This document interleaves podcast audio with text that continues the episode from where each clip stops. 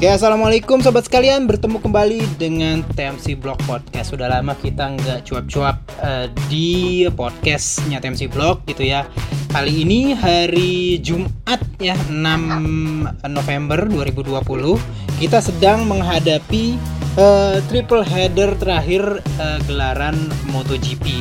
Uh, kita akan datang di Grand Prix Eropa lalu masuk ke Valencia dan terakhir nanti akan ditutup di Portimao. Cuman memang mendekati uh, versi atau seri dari uh, Grand Prix Europa di uh, Ricardo Tormo di Valencia itu akan ada banyak banget gitu ya kejadian-kejadian uh, yang boleh dibilang ini menarik gitu dan menambah dinamika dari musim yang memang benar-benar spesial ini karena uh, pandemi COVID-19. Valentino Rossi. Pertama, dia telah uh, melakukan uh, tes swab atau PCR pada hari Selasa dan kembali dinyatakan positif. Walaupun akhirnya dia kembali melakukan tes swab pada hari Kamis kemarin tanggal 5 November itu hasilnya positif. Dan dia langsung terbang ke Valencia beberapa jam yang lalu. Untuk nanti hari Jumat dan hasilnya negatif dan uh, ya karena negatif dia uh, pergi lagi ke Valencia dan nanti akan melakukan tes kedua. Kalau di sana dia hasilnya negatif, uh, lalu uh, Valentino Rossi baru bisa bergabung kembali dengan timnya menghadapi uh, race weekend MotoGP Eropa di Valencia. Kalau enggak, Gareth Gerloff pembalap uh, pembalap dari Amerika uh, ya di World Superbike siap untuk menggantikan Valentino Rossi.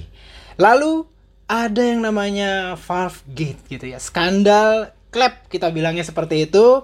Ini panjang banget dan baru aja beberapa jam yang lalu itu diketok palu sama FIM MotoGP Stewards bahwa baik Yamaha secara manufaktur dan dua timnya itu memperoleh hukuman. Bersama saya Taufik di at TMC Blog Instagram dan Nugi Pratomo at Nugohopart. Gimana Nuk? Halo? Halo Mas, ya, ya. sehat Mas, Alhamdulillah. Alhamdulillah. Kita akan membahas Nuk tentang apa yang terjadi uh, menjelang uh, Grand Prix Eropa. Kita bilangnya Valencia 1 alah gitu ya, lebih enak ya, ya Nuk ya? ya Valencia 1. Lebih enak gitu Mas. Ya, oke, okay. uh, mengenai Valentino Rossi dulu Nuk. Gimana tuh? Ya, Ya kalau Valentino Rossi kan memang uh, diberitakan dia terjangkit atau terpapar virus itu kan karena uh, setelah di Aragon itu dia eh setelah di Aragon waktu itu pas kapan ya pas dia balik ke Italia terus ya. nggak taunya demam gitu kan? Iya betul. Uh, ya, jadi sebelum sampai, double header, sampai sebelum setelah, double header, sebelum double header di Aragon. Sebelum hmm. double header Aragon ya, iya. ya. Makanya kan uh, setelah Rossi positif dua kali sampai si Dorna dan FAM menerbitkan peraturan kalau misalkan ada seri double header pembalap dilarang pulang, pulang ke rumahnya Betul. gitu. Nah, untuk menjaga iya. bubble ya, untuk menjaga bubble protokol. Betul. Betul. Jadi seperti itu. Betul, Mas. Nah, dan uh, tes di mana? Di Italia ya, di tes swab maksudnya itu memiliki uh, peraturan hukum di mana setelah uh, seseorang itu tes lalu dinyatakan positif atau negatif ya, negatif uh, dari COVID-19, yeah. maka dia diperbolehkan untuk melakukan kegiatan pada umumnya. Jadi Valentino yeah. Rossi bisa terbang ke Valencia walaupun Valencia walaupun dia harus menunggu. Harus tes lagi. Ya, harus menunggu. Uh, tes lagi sekali kalau uh, negatif baru dia bisa bergabung dan apa namanya dan kalau positif ya mau nggak mau dia harus ya nggak tahu ya. lagi. karantinanya ya di di Valencia ya. Nggak bisa balik kan? Kayaknya karena pesawat karena oh, pesawat karena dia udah masuk. karena pesawat nggak bakalan terima tuh pesawat balik. Kecuali iya, dia punya pesawat pribadi betul. yang turun di rumahnya betul. Nah jadi seperti itu teman-teman sekalian.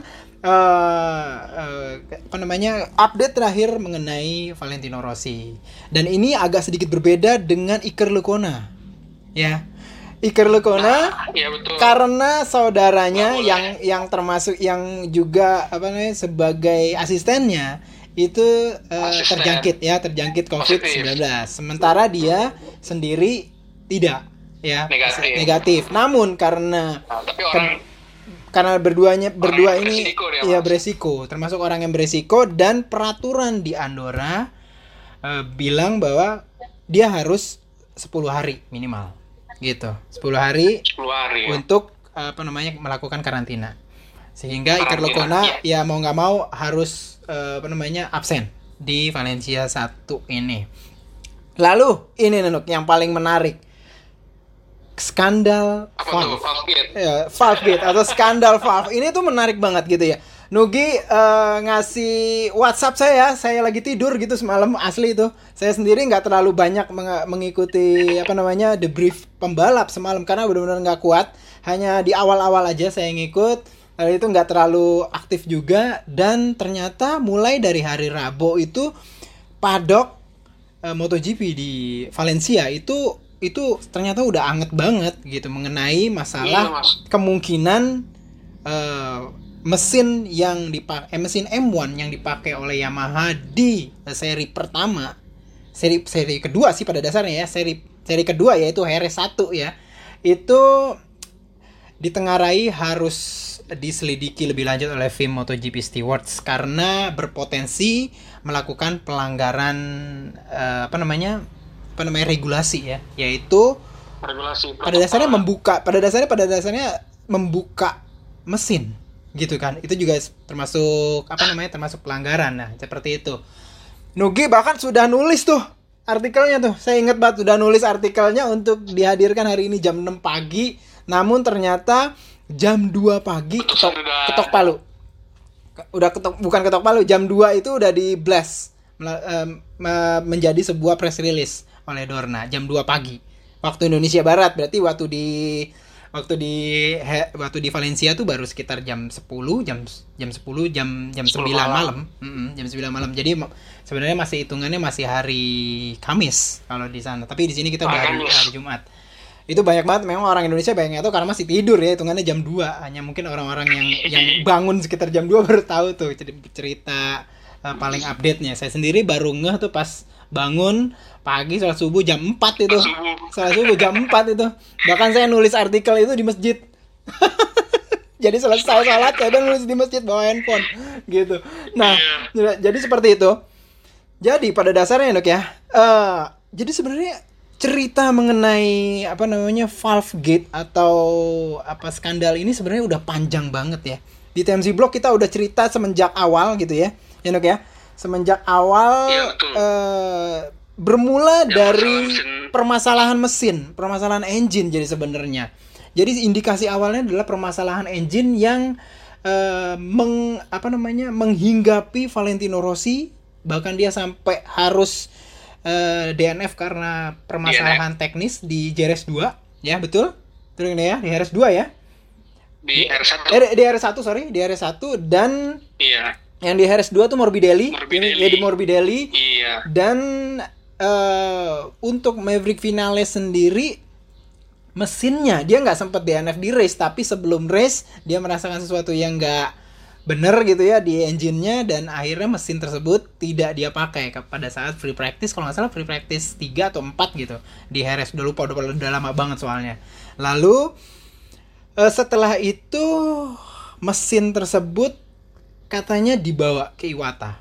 Tiga mesin. Me- mesin nomor satu nomor satunya Valentino Rossi dan nomor satunya Maverick Vinales dan mesin 2019 sebenarnya sih bukan mesin 2019 ya. Sebenarnya yang dipakai sama sama Morbidelli sebenarnya mesin buatan 2020 namun referensinya adalah desain 2019 atau speknya spek Iya. 2019 jadi seperti ya, seperti itu. Jadi mesin-mesin ini diterbangkan ke Jepang ya ke Jepang untuk diinvestigasi lebih lanjut. Dan untuk itu karena mesin harus dibongkar ketiga mesin ini harus dilepas dari alokasi mesin di mana masing-masing pembalap masing-masing pembalap Yamaha itu memiliki berapa nuk? lima ya?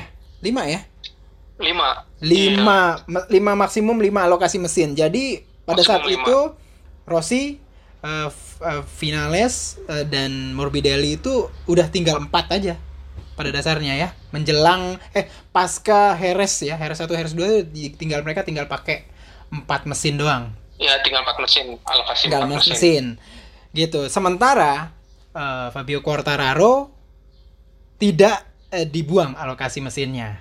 Gitu. Namun yang menarik adalah ya di uh, engine shed jadi yang biasa uh, Dorna kasih ke ke media gitu ya, termasuk kami pada setiap menjelang uh, warm up kalau nggak salah warm up seri uh, sesi warm up itu mes up, iya. mesin nomor satu dan nomor duanya Fabio Quartararo yang dipakai di Heres 1 itu pada dasarnya tidak pernah lagi dipakai setelah itu sampai yang terakhir di Aragon 2 itu nggak pernah dipakai nggak pernah disentuh. Jadi sempat sekali hanya di di dibawa doang di Misano cuma dibawa doang nggak pernah di, nggak dipakai lagi. Jadi bener-bener bener-bener walaupun tidak dibuang punyanya apa namanya alokasi mesinnya Fabio Quartararo tapi mesinnya tersebut tidak pernah tidak dipakai ya, tidak pernah dipakai sama sekali. Dan ini memang uh, menjadi tanda tanya. Saya sempat nanya tuh langsung tuh ke Takahiro Sumi tuh kemarin di Aragon 2 ya. Waktu yeah. waktu waktu press yeah. conference itu press conference dan Takahiro Sumi asli nggak jawab. Dia langsung minta maaf ke saya bahwa dia tidak bisa menjawab karena memang strategi alokasi mesin adalah sesuatu yang top secret kalau dibagi-bagikan dan itu tidak bisa dibagikan informasi jadi saya juga berhenti sama situ. Udah nggak bisa diapain. Takahiro Sumi jadi kalau teman-teman sekalian bisa buka YouTube-nya MotoGP di situ ada saya lagi tanya dan Takahiro Suminya jawabnya begitu asli. Mohon maaf saya nggak bisa jawab lebih lanjut karena hal tersebut merupakan strategi yang buat uh, kami maksudnya Yamaha adalah sesuatu yang highly confidential. Jadi bukan hanya confidential tapi highly. Dia udah bilang highly. Udah bener-bener uh, confidentialnya udah tingkat tinggi gitu. Jadi seperti itu. Nah, mungkin Nugi mau men mau menjelaskan sebenarnya masalahnya Yamaha tuh sehingga menyebabkan uh, valve-nya bermasalah tuh apa Nuk? Coba Nuk. Kalau saya sih uh, analisa saya, tapi sebelum menganalisa itu saya punya pertanyaan mas. Ya. Siapa siapa pihak yang pertama kali mengajukan uh, ibaratnya apa ya aduan lah ya kalau misalkan kita nggak sebut hmm. komplain, ya. kita oke okay lah kita bilang yang mengadukan ya. bahwa Yamaha nih ada sesuatu yang aneh nih di mesinnya ya. nih di HR1 sama 2. Jadi sebenarnya yang dimaksud Nugi adalah siapa nih pabrikannya whistleblowernya? Ya, ya kan? Ya whistleblowernya siapa? Karena memang uh, uh, jadi memang kesannya tiba-tiba uh, film MotoGP Stewards ini baru bergerak setelah uh, pedok itu hangat. Setelah pedok itu hangat di hari Rabu. Gitu. Pedok hangat hari Rabu dan mungkin mereka mendapatkan pertanyaan dan biasanya biasanya yang terjadi kalau masalah kayak begini-begini itu biasanya adalah ada uh, entah seseorang entah institusi yang meminta kepada uh, film MotoGP Stewards untuk uh, melakukan evaluasi lebih lanjut terhadap sesuatu yang uh, di apa ya namanya disinyalmenkan terjadi. Jadi seperti itu. Iya, betul. Asal ada sesuatu, ada whistleblowernya di sini. Dan ya ada memang uh, uh, sinyalemennya sih pasti ke kompetitor, udah pasti. Cuman pertanyaannya sampai sekarang ini tidak dibuka sama tim MotoGP Stewards. Pertanyaan dan ini ini tuh. Stewards ini benar-benar cukup cukup apa namanya tidak transparan kalau menurut saya sampai di, di terutama di permasalahan ini. Jangankan masalah siapa yang membisikkan ke mereka, ke mereka dan bukan membisikkan. Jadi siapa sebenarnya yang komplain gitu ya terhadap mereka sehingga mereka mau mengevaluasi lagi atau mengecek ya minimal mesin-mesin yang dipakai oleh yeah. Yamaha. Itu satu. Yang kedua, sebenarnya Yamaha eh Yamaha film MotoGP Stewart itu tidak pernah dalam press release-nya tidak pernah menyebutkan masalahnya partnya apaan. Nggak pernah tahu. Nggak pernah tahu. Jadi nggak nggak ada tahu. Jadi selama ini kita menulis itu tentang valve terus menulis valve gate itu sebenarnya lebih ke arah sinyalemen kita sendiri masing-masing. Ya. Yamaha tidak pernah memberikan statement mengenai itu masalah valve yang dimasalahkan di apa namanya di di hukuman ini ya khususnya walaupun Yamaha sempat juga membicarakan masalah ini sebelumnya. Dan satu lagi MotoGP uh, film MotoGP Stewards itu tidak menjelaskan sebenarnya kejadiannya kapan. Di RS1, di RS2 iya. atau mungkin di yang lain. RS2, kita uh, hanya bisa meng apa namanya mengekstrapola meng, eh, mengekstrapolasi dari apa yang eh, diputuskan oleh FIM yaitu Yamaha. Dia bilang gini Yamaha memperoleh double penalti di double penalty point terhadap poin yang mereka peroleh pada saat kejadian. Di situ mereka dapat 50 poin karena itu double dari 25 poin yang mereka dapat di situ. Which is artinya Yamaha menang di Iya. situ. Tinggal dicari deh Yamaha menang di mana aja. RS1, RS2 gitu kan. RS1, RS2 kemenangan-kemenangan kemenangannya eh, Morbidelli, kemenangannya eh, Quartararo lagi satu dan Vinales. Cuman itu kan. Tinggal cari di antara situ dan Iya. memang dan setelah itu baru ada yang namanya eh, penalti eh, tim di mana eh, Yamaha apa namanya Monster Energi sama MotoGP dapat kena penalti poin 20 ya kan? Dan si siapa? Si eh PSRT Petronas Yamaha ya Petronas Yamaha memperoleh 27 poin pengurangan. Dari situ dilihat dicari baru ke belakang kan. Media tuh nyariin yang mana nih yang ngepas dengan angka-angka 25, Ah, 20 sama 37 ya. 37, 37 walaupun Iya, 37. Nah, ternyata yang pas dengan angka ini yang nempel-nempel gitu adalah arak eh RS1.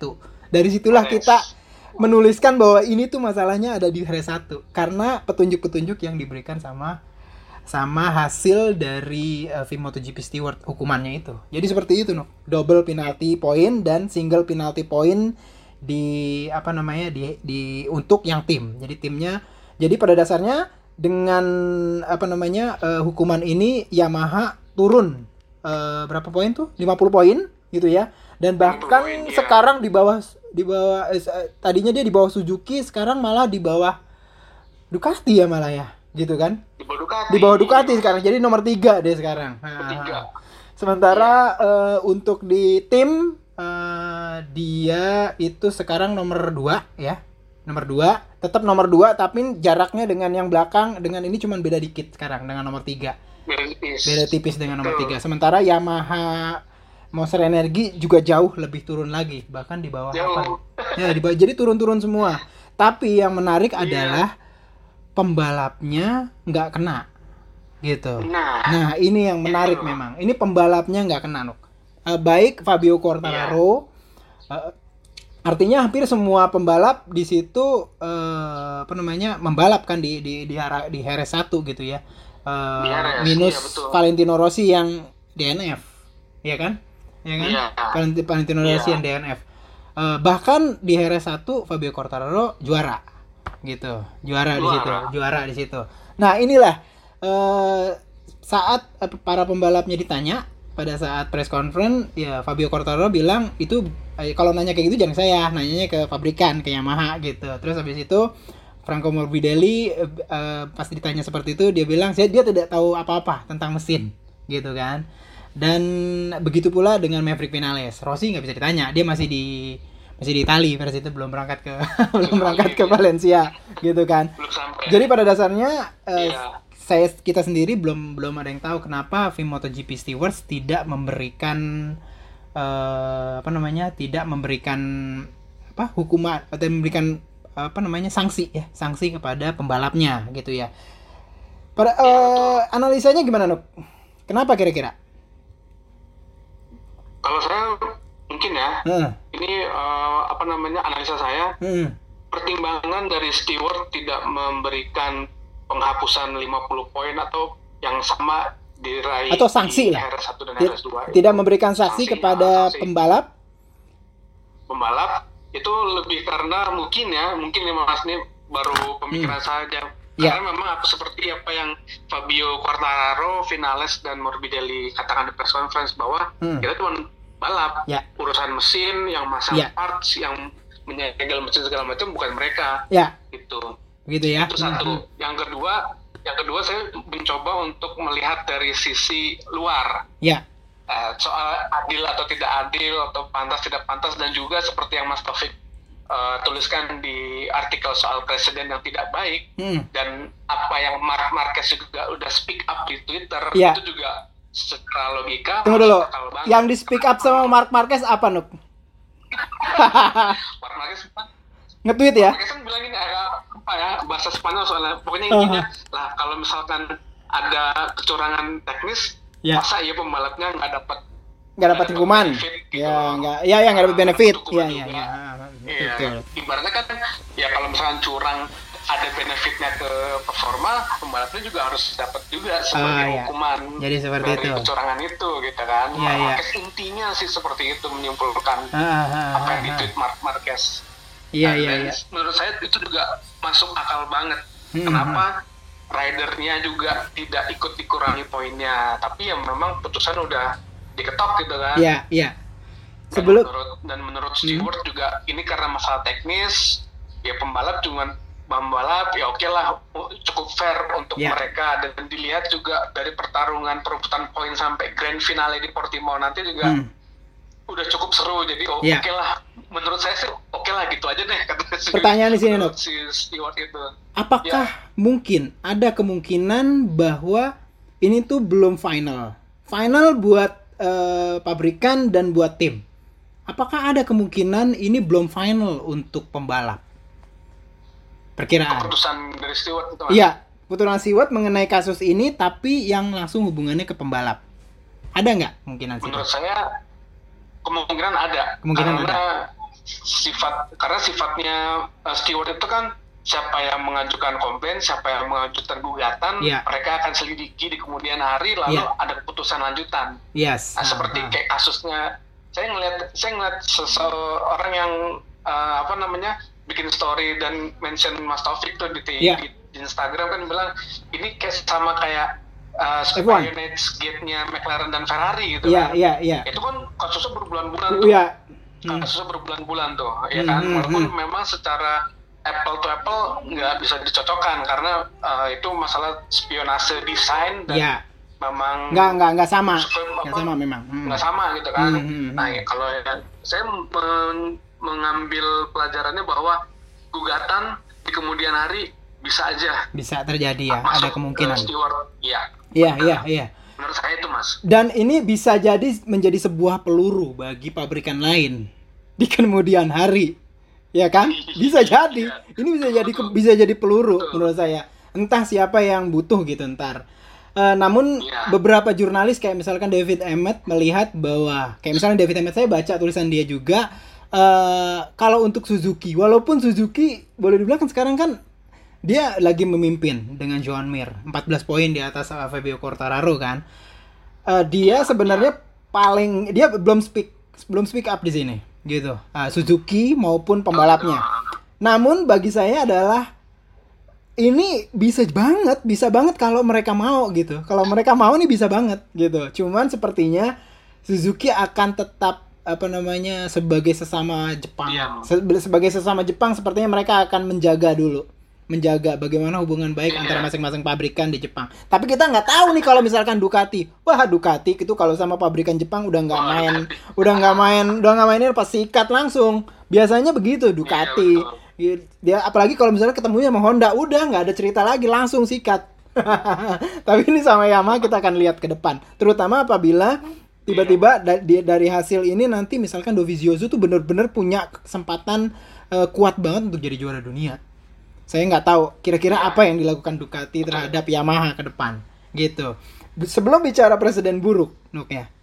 Saya cuman mau ini bahwa dengan tidak eh se- dengan tidak diberikannya apa namanya eh, apa namanya eh, sanksi ya sanksi kepada pembalap paling enggak catatan-catatan tersebut seperti yang saya tulis juga di blog itu akan nempel ke Fabio Quartararo terutama.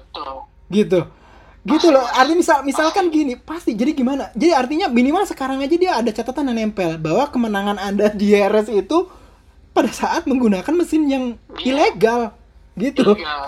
itu walaupun itu tidak dikasih hukuman tapi itu nempel. Nempel itu itu titel Iya. itu nempel. Kemenangan anda menggunakan mesin yang ilegal. Itu menarik banget tuh. Saya pengen tahu ada nggak orang yang Sanksi nanya? ada ada nggak orang yang nanya pembalap apa namanya media pada saat the brief saya semalam? Mungkin mungkin saya akan nanya ntar malam ke ke Fabio Quartararo. Oke. perasaan anda gimana gitu? Perasaan saya pengen tahu perasaan anda gimana bahwa sekarang walaupun mungkin eh, Fabio dia nggak tahu apa apa bener nggak tahu apa apa dan dia nggak punya niat apa pun dan dia nggak tahu apa apa mengenai masalah ini. Tapi betul. biar bagaimanapun nempel bahwa dia menang di Heres menggunakan mesin yang ilegal. Gitu Iya, di, lu, di luar dari apakah Mas. di luar eh, dari apakah yang dilakukan Yamaha itu meningkatkan performa atau masalah safety ya keselamatan. keselamatan kita nggak tahu Betul. tapi masalahnya yang dilakukan adalah eh, caranya yang tidak sesuai dengan regulasi nah jadi sebenarnya Iya. poinnya di sini sih Iya. bukan karena dia berperforma sih ya kita kita, kita tidak pernah tahu sih apakah penggantian klep ini bisa nambah kecepatan atau akselerasi atau segala macam Eh, di dibuang dulu yang itu tapi lebih ke ke regulasi bahwa hal ini tuh nggak boleh dilakuin gitu harusnya dia hanya Iya. bisa mengganti valve dengan persetujuan anggota Persetujuan. pe- anggota apa namanya MSMA. Itu ada ada asosiasi pabrikan which is artinya mereka harus mendapat Iya, persetujuan betul. dari dari dari Ducati, Honda, Suzuki, Aprilia dan KTM. Suzuki, Aprilia, KTM. Nah, terlepas Memang memang titik titik titik beratnya di situ mas. titik berada di situ. Benar, lebih bu- bukan ke masalah performa nambah performa atau enggak, tapi Iya. lebih lebih ke Betul. caranya yang dilakukan Caranya. itu salah. Nah, itu aja sih pada dasarnya. Iya. Jadi itu. Nah, nadi itu apa namanya? Dan ini bayangin titel ini akan nempel mulai dari detik ini, mulai dari mulai dari saat tim MotoGP Stewart itu mengumumkan gitu loh, titel itu nempel. Ini akan jauh lebih berasa lagi kalau misalkan nanti kita tahu bahwa Fabio Quartararo itu menang juara dunia. Mana? juara Wah, dunia. itu. Tahun ini aja Itu 2000 kan 2000 terus tuh mas. ya tahun 2020 yang aneh ini gitu ya tahun 2020 yang aneh ini aja orang udah banyak gitu ya yang mempertanyakan gitu ya mengenai legitimasi dan segala macam walaupun akhirnya dijawab Iya. sama pembalap dan mereka udah pasti tetap apa namanya effortnya tinggi banget namanya balap ya itu kan itu aja udah Iya. dipertanyakan ya tentang legitimasi dan dan dan sebenarnya ini uh, statusnya kejuaraan 2020 apaan sih? Iya. itu aja udah pertanyaan. Juara terlebih lagi ditambah gitu. terlebih lagi ditambah Kasus. bisa bayangin loh bisa bayangin Fabio Quartararo juara tapi kasus ini ada. Gimana? Ya ya memang juara gitu. Teman eh gimana? Jadi agak-agak agak-agak ada yang ada yang ini yang ganjel gitu ya kalau orang Jawa bilang mungkin ganjel Iya. gitu. Ada yang ganjel ada sesuatu yang yang ganjel. catatan ada catatan gitu. Ada catatannya. Jadi seperti itu. Itu mengenai hal tersebut ya siapa aja sih? Ya bisa Fabio Quartararo bisa eh, siapa ya? Terutama yang yang di yang di terutama yang di Heres satu memperoleh poin. Fabio Quartararo Iya. eh, Vinales Tapi ah, Vinales Morbidelli. Morbidelli. Rossi mah kan Oh, Zero Vinales, iya. Sorry Zero Harris dua kayaknya podium deh dia. Tapi ya tapi di PS2 kita lihat dulu dia pakai mesin apa nih. Saya bisa cek sekarang sih. Ah, dia pakai mesin PS2 apa. ya. Jadi seperti itu. Eh, di RS2 tapi masalahnya Nuk mesin yang itu kan langsung dibawa ke Jepang nggak dipakai Oh iya. Iya, berarti- dibawa ke Jepang. Iya. udah. udah nggak pakai mesin yang ya. mesin yang pertama itu yang ditengarai Iya. Klepnya diganti gitu di Klepnya klep diganti. diganti Ah, Heeh. ah. jadi pada dasarnya seperti ini itu Juga, ini juga bakal berpengaruh ke Johan Mir nggak sih mas? Kalau misalkan seandainya nih Johan Mir yang jadi juara dunia, Hmm. nanti orang melihatnya, oh Johan Mir ya memang apalagi nih ya, apalagi sampai di triple header ke depannya Johan Mir belum menang, tapi dia eh, merebut juara dunia secara eh, mengejutkan. Tambah lagi juga ada kasus Yamaha gini, ter Suzuki atau Johan Mir tuh nggak kira-kira nih Iya. kira-kira kan netizen gitu kan baik di Indonesia ataupun di luar negeri kan pedes-pedes semua nih. Iya iya. Bakalan dapat presiden yang ah juara dunianya karena ya 2020 catatan. ya ya ya Yamaha Benar, gitu, benar. kan. Yap. apa gimana? Kalau menurut saya eh Juan kalau misalkan ntar yang juara dunia Juan Mir atau siapa aja ya yang lain ya. Kayak misalkan siapa ya? Ya Dovizioso misalkan ya. Dovizioso juara dunia. Misalkan eh, yang misalkan dari non Yamaha lah dari siapa lagi yang perkiraan bisa juara dunia di sini? Mir Rins ya, Mir atau Rins atau. Dovizioso misalkan. Dovizioso. Di tiga di Ya, antara itu. itu Ah, kalau menurut saya sih eh ya mungkin ada, tapi tidak le- tidak tidak tidak akan seperti itu Nuk ngelihatnya. Eh kalau kita coba bayangin, ya. kalau kita coba bayangin gitu ya, misalkan eh Mir ya contohnya yang paling yang paling ekstrimnya dia nggak juara sama sekali belum pernah juara seri gitu tiba-tiba tiba-tiba juara Iya. dunia tapi kan dia menunjukkan bahwa dia konsisten uh, top 10, konsisten Iya, top betul. 5, konsisten ini dan itu konsistensi itu sudah pernah dibuktikan sama sama itunya Mark Marquez siapa? Manajernya Uh, Emilio Alzamora pernah beberapa Emilio. tahun yang dulu ya di tahun lalu di ketika, ketika masih pakai Iya. dua tak seperti itu dan oke sih kalau menurut saya sih uh, dan secara umum ini udah udah pernah dibicarakan dan semua orang bilang bahwa ya kalau misalkan Joan Mir juara uh, tanpa ju uh, maksudnya juara Juara dunia juara tanpa gitu. juara seri ya ya tetap juara dunia dan karena memang yang Tetap dilihat juara, adalah poin. ah. Nah, cuman uh, kalau saya ngelihatnya apakah ada hubungannya? Orang akan bertanya-tanya. Lah Joan Mir kan ini karena misalkan Fabio Quartararo uh, diturunin nilainya.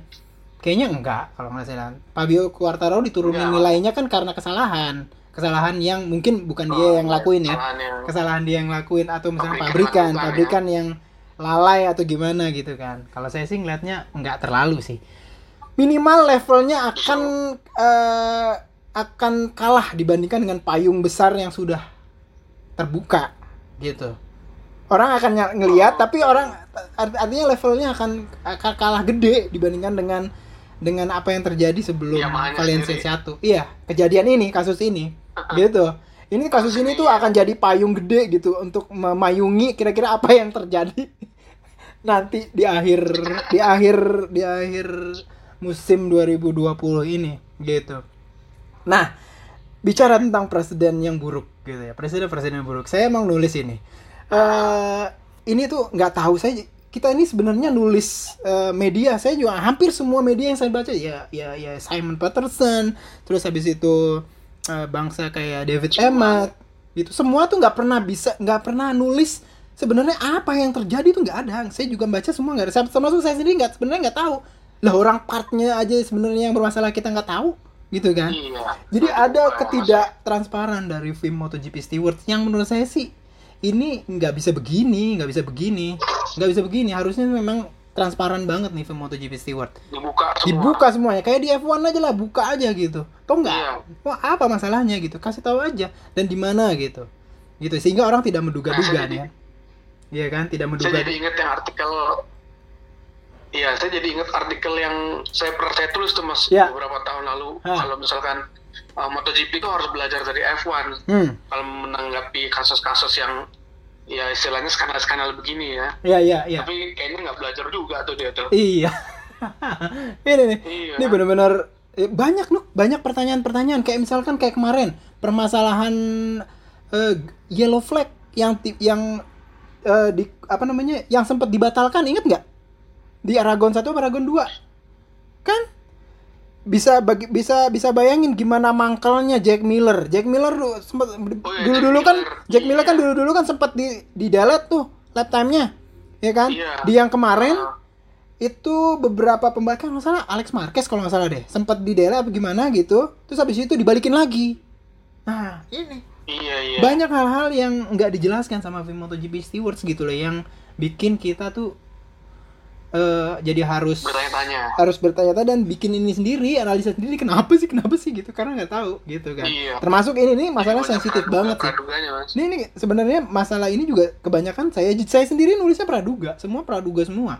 Tapi diusahakan Iya. diusahakan kira-kira tidak tidak terlalu jauh lah dengan perkiraan dan tidak terlalu berlebihan gitu dalam ngejudge sesuatu. Ini lebih ke situ doang. Kira-kira ini kita eh, hubung-hubungkan dengan apa yang terjadi sebelumnya kayak gitu sehingga ya ini ya yang bisa di yang sementara ini inilah yang bisa kami analisa gitu. Gitu loh kan.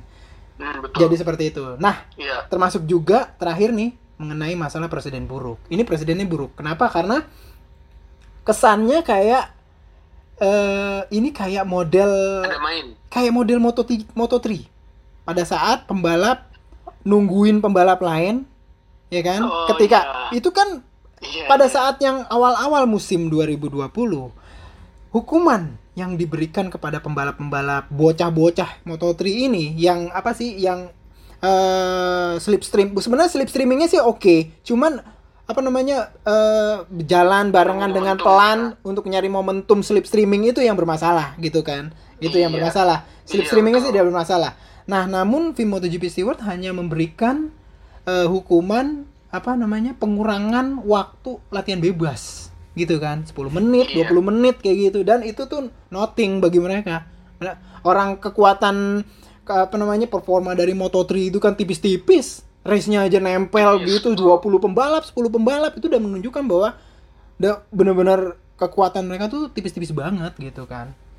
Nah setelah itu nah itu artinya eh jenis hukuman yang diberikan sama tim MotoGP Steward itu terlalu enteng sehingga orang mengentengkan Enteng. permasalahan nah itulah yang saya Iya, tulis sebagai presiden buruk presiden buruk dari ini Iya, bahkan saya menuliskan sesuatu yang cukup ekstrim gitu ya karena eh, pabrikan-pabrikan lain melihat bahwa film MotoGP Steward tuh cuman ngasih Ny- ngasihnya cuma begini, cuma dipotong doang. Poinnya juga bukan Iya. poin pembalap, tapi poin poin pabrikan sama poin tim. Ah, biarin deh gitu. Misalkan Ducati, misal contoh lah ya. Itu tuh ngomong dengan misalkan ada satu pabrikan tertentu yang mikir gitu ya. Selain Yamaha, oke deh kita tambahin malam-malam gitu. Saya nulis kayak gitu tuh. Kita sebelum race day kita Iya. tambahin sesuatu malam-malam di dalamnya. Ber gitu kan. Sesuatu yang sesuatu part yang uh eksotik banget gitu. ya, dan hanya bisa berlaku untuk 30 lap. Wes. Nah, itu apa kek? Klep kek? Apa kek? Camshaft kek? Misalkan camshaft ya, misalkan contoh. Iya. ya kan? Set ditaruh kalau ketahuan kan paling cuman poin poin pabrikan doang. Ah, poin konstruktor doang, pembalapnya tetap aman. udah ke, gimana? udah ketaker Iya. lagi du- udah ketaker lagi. Oh cuman dua kali Bener. poin 50 poin kalau juara. Yang penting Iya. yang penting pembalap saya wow gleng besoknya dan bahkan dan bahkan ada kemungkinan misalkan itu dilakukan di Valencia 1 dan mereka bisa melakukan di Valencia 2 nggak peduli orang nggak akan inget siapa Iya. yang jadi juara manufaktur sama juara tim. Nggak pernah ada Iya. yang tahu. Nggak Betul. pernah ada yang ingat pembalapnya. mereka cuma nggak siapa juara dunianya? Pembalapnya. Udah itu doang. Gitu. Itu yang jadi Ya, yang namanya presiden buruk dari eh, keputusan ini. Jadi sebenarnya sebenarnya sih ya tinggal nungguin film ini sebenarnya mereka memberikan keputusan ini tuh eh, dasarnya itu apaan gitu. Presiden buruknya itu ini jadi role model. Jadi role model takutnya gitu. Kayaknya sih, kayaknya sih, kayaknya sih mereka cuman cukup sampai di sini aja mas. If I if I am stewardnya itu cukup sampai di sini aja. Kalau misalkan ada lagi? ada bikin lagi? Sesuatu yang baru ya? Ada dorongan, iya ada dorongan yang misalkan eh, desakan-desakan dari kenapa kenapa apa yang partsnya segala macamnya? Kenapa Aha. cuma segini? Kenapa pembalapnya nggak dikena poin? Kayaknya mereka akan bungkam deh mas. Oh gitu ya. Menurut saya. Ya ya ya ya ya Heeh. bisa jadi sih bisa jadi sih. Jadi seperti itu memang. Ada kemungkinan eh tidak akan diteruskan ke depan. Ya. Iya. Tapi ya ya ya artinya gini minimal minimal eh, MotoGP harus ngeh bahwa ini tuh sebuah model yang yang yang yang yang berpotensi untuk jadi role model yang gak bagus gitu ke depan. Iya, gitu nah. minimal itu. Itu simpelnya gitu karena eh jadinya pabrikan tuh akan menganggap eh, hukumannya tuh Enteng. enteng. Gitu simple gampang Iya, Ya udah kerjain. nggak ada tidak membuat efek jerah gitu.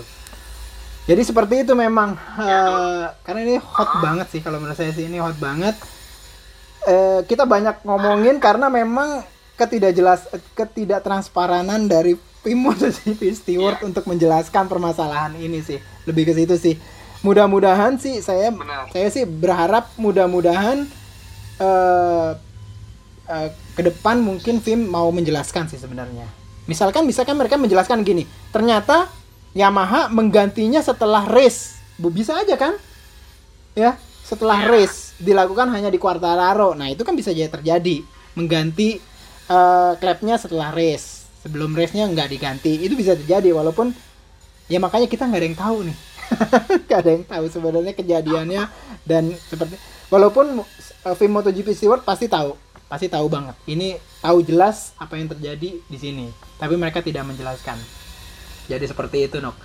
Tiga race double header nih ke depan gitu ya Eh, dan yang cukup menarik adalah Maverick Vinales juga sempat bilang bahwa akhirnya dia mengakui bahwa dia nggak terlalu banyak bisa bikin lap time di saat free practice melihat Berpraktis, Iya. melihat dari jumlah alokasinya karena teman-teman alokasi mesin. alokasi mesin jadi mesin itu punya mileage sebenarnya gitu mesin itu punya Iya. mileage dan di luar mileage itu itu potensi apa namanya eh meledak meleduk ya. Apa ya potensi bermasalah lah. Bermasalah itu tinggi banget. Bermasalah tinggi banget. Hampir semua partnya tuh punya punya umur. Punya umur gitu kan. Iya pasti mas. pasti Punya umur, ah. iya. sehingga memang Yamaha sepertinya memang cukup eh, menghitung kira-kira umur part ini. Dan sampai-sampai Maverick Vinales sampai eh, apa namanya eh, mengakui gitu ya bahwa dia nggak bisa bikin banyak lap time. Jadi Lab di jadi free practice. Iya, free practice ya. Dan mau nggak mau timnya harus kerja keras bagaimana bisa membuat setup yang bagus dengan jumlah lap time yang nggak banyak gitu. Risetnya Hmm, iya. eh, jadi risetnya ya mau nggak mau nggak bisa nggak bisa riset gitu. Mana test ridernya nggak bisa ngere- nggak bisa eh, ngetes lagi, ya kan? nggak mudah ngetesnya. Kan ngetesnya kalau kalau nggak bisa, ya sebenarnya bisa dibantu oleh test rider. Cuman test ridernya dengan kondisi eh, Yamaha sebagai non konsesi itu juga tidak mudah untuk Potensi bisa ngetes. terbatas. Dan terlebih lagi, Jorge Lorenzo pun lagi panas-panasan nih hitungannya sama Yamaha gitu kan. Iya. Terutama Lagi- dikarenakan lagi tiba renggang. ya lagi renggang, terutama karena tiba-tiba yang ditunjuk malah Gareth Gerloff, bukan dia. Bukannya Iya. minimal fansnya minimal fansnya Jorge Lorenzo tuh bertanya-tanya kenapa nih? Iya, bukan kan, lo, bukan Jorge. Gitu kan? Dari awal Jorge hanya Iya. dikasih mesin 2019 pada tes bahkan di Portimao juga campaknya 2019 ini sih 2019, pertanyaan gitu. Sampai akhirnya puncak dari permasalahan itu kelihatan pada saat Valentino Rossi absen. Ah Valentino Rossi punya potensi absen di Valencia 1 sehingga Gareth Gerloff yang dikeluarkan kalau mengenai masalah kenapa bukan Toprak udah jelas. Karena Toprak hubungannya sama Iya, Red Bull. Red Bull. sementara Yamaha MotoGP ke Monster Energy. Monster. dan Red Bull Monster Energy itu udah kayak air dan api gitu. Nggak bisa disatuin gitu kan. Udah kayak air Iya, dan api. eh bukan air dan api ya. Air dan minyak. air dan minyak sorry. Kalau air sama api ya satu matiin. air dan Ah. minyak. Nah jadi seperti itu. Nem- nempel tapi nggak menyatu gitu. nempel dan menyatu. Dan kenapa bukan Loris Bas terakhir dengar-dengar baca di GP kenapa kenapa nggak Loris Bas karena di GP karena Loris Bas kan punya pengalaman di MotoGP bagaimanapun juga ya kan Iya. Nah, terakhir-terakhir kalau baca GP One apa nggak salah tuh ada beberapa pembaca blog eh, ngirim ke saya linknya. Loris Bas lagi eh di- mendekatkan diri dengan Ducati. Pendekatan. Nah, dengan Ducati. Oh, deketin lagi. Dengan Ducati. Ya, ada itu. Jadi mungkin itu juga jadi salah satu penyebabnya sehingga yang ditunjuk adalah Gareth Gerloff gitu ya. Satu lagi Gerloff. harusnya. Siapa satu lagi ya? Oh. Locatelli harusnya ya. Tapi Locatelli bingung juga. Locatelli belum pernah pakai MotoGP. Tapi ya Gareth Gerloff juga sebenarnya belum pernah pakai MotoGP juga. Tapi mendekati. Iya, ya Posisi- minimal mendekati sih, mendekati sih Iya, kan? Gareth Gerloff. Ah, ah. Ah, Tapi Locatelli. ya. Gareth Gerloff pun Gareth Gerloff pun akan debut MotoGP kalau Rossi Kalau Rossi eh, hasil PCR-nya masih positif Masih- mas. iya, kalau misalkan betul. nih PCR di Valencia, ya. Rossi Mm. balap kan? Balap. Dia akan balap. Iya, juga Ah. Gerloff. pertanyaannya kalau misalkan dia pagi gitu ya hasilnya yang di tes PCR-nya Rossi itu keluar kapan kalau keluarnya maghrib Ah, iya, maghrib sore minimal Jumat ini yang keluar masih Gareth Gerloff gitu menggunakan iya, menggunakan betul. mesin alokasinya Rossi Practice. gitu free practice yang Jumat ini ya satu dua gitu ya kecuali eh, berita eh, negatifnya Valentino Rossi keluar sebelum free practice satu makanya Valentino Rossi bisa langsung masuk ke pedok ke pedok garage-nya ini Yamaha Factory gitu jadi seperti itu. Mm, mm, Oke. mm. jadi seperti itu teman-teman sekalian eh jelang Panas. panas jelang jelang triple Panas, header ya. Wah, pedih banget ini asli ini. Eh, terlebih lagi karena ini nggak jelas gitu. Sama MotoGP stewardnya nggak jelas sih. Sebenarnya kalau pusing. pusing MotoGP steward, kalau sebenarnya kalau MotoGP Iya. steward mah bisa jelas gitu, ini masalah enak banget sih. Gitu enak. Jadi oh semua tahu ya salah kan namanya orang salah kan tinggal ngaku salah segala macam. Habis itu dikenain hukuman jelas. Ini bayangin Iya. aja kita mereka-reka semua gitu loh. Bayangin sebutan klep aja sampai sebutan klep aja hitungannya hitungannya ini baru ini ya nggak pernah disebutkan sama mereka gitu kan. Kapan kejadiannya nggak disebutkan cuma pokoknya dihukum diturunin poinnya udah segitu. Jadi seperti itu teman-teman sekalian, fakta yang terjadi sebelum Free Practice 1 Grand Prix of Europa atau Valencia 1 2020. Kita pantengin aja dan jangan lupa sobat sekalian harus pantengin nih tiga race ini. Karena apa pun bisa terjadi.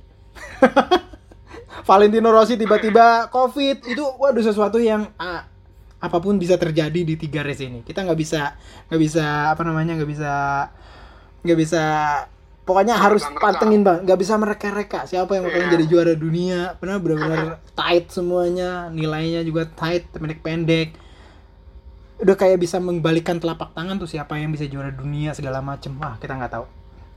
Nah, yang pasti beberapa jam lagi free practice satu dua jam lagi free practice satu uh, free practice satu pada saat uh, ini direkam ya belum pada saat di dipublish ya uh, apa namanya?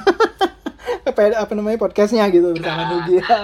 Podcast, Tapi mudah-mudahan bisa cepat nanti kita kita kita apa namanya kita publish supaya teman-teman sekalian bisa mendengarkannya dan mudah-mudahan ke depan kita juga bisa bikin podcast podcast selanjutnya Nuk. Mungkin pra, eh, pasca race Boleh? ya pasca race sama Pasca pra race race, ya. gitu ya menarik nih gitu dan mudah-mudahan kita bisa konsisten ke depannya. Itu aja teman-teman sekalian. Ada yang mau tambahin Nuk? Eh, nggak ada mas. Nggak ada. Oke, gitu aja. Triple header aja. Wah, triple Ya, header kita ya apa namanya pantengin terus dan juga jangan lupa pantengin TMC Blog baik di semua ini ya dengan saya mungkin di Instagram di @tmc Blog dengan Nugri di @nugrohoprat gitu ya. Dan juga ya. eh, di tmcblog.com udah pasti. Itu aja sampai bertemu eh, di podcast selanjutnya. Assalamualaikum warahmatullahi wabarakatuh